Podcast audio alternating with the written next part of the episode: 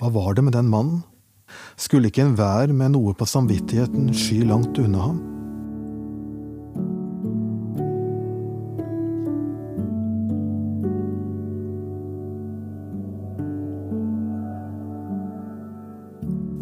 Alle tollerne og synderne holdt seg nær til Jesus for å høre ham. Lukas 15.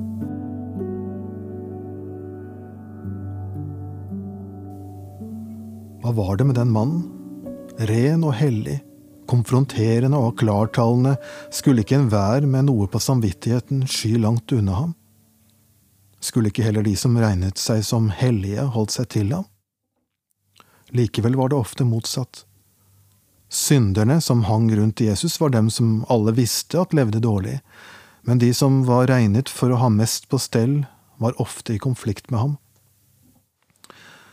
Jesus sa, Den som gjør det onde, hater lyset og kommer ikke til lyset for at hans gjerninger ikke skal bli avslørt, men den som følger sannheten, kommer til lyset så det skal bli klart at hans gjerninger er gjort i Gud. Johannes 3 vi tenker at vi vet hvem Jesus mente, men synderne og tollerne som hang rundt Jesus, hatet tydeligvis ikke lyset. De kom jo til ham som er både lys og sannhet. Det virket som de ville bli avslørt. Dermed ble mange av dem også forvandlet av hans overveldende nåde til å gjøre lysets gjerninger. Men dem som var regnet blant de plettfrie, kom ofte ikke. Det virket som de ikke ville bli avslørt. Det er noe med den mannen som satte ting på hodet.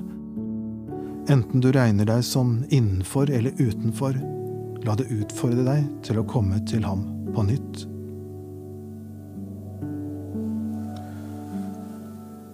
Du har hørt en andakt fra boka Vandrebok.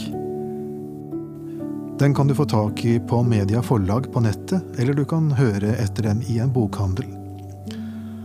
Mitt navn er Sverre Skilbreid. Jeg har skrevet boka og er nettverkspastor i nettverket til menigheten Jesusfellesskapet i Bergen, og også lærer på bibelskolen Impact i samme by. Vi høres!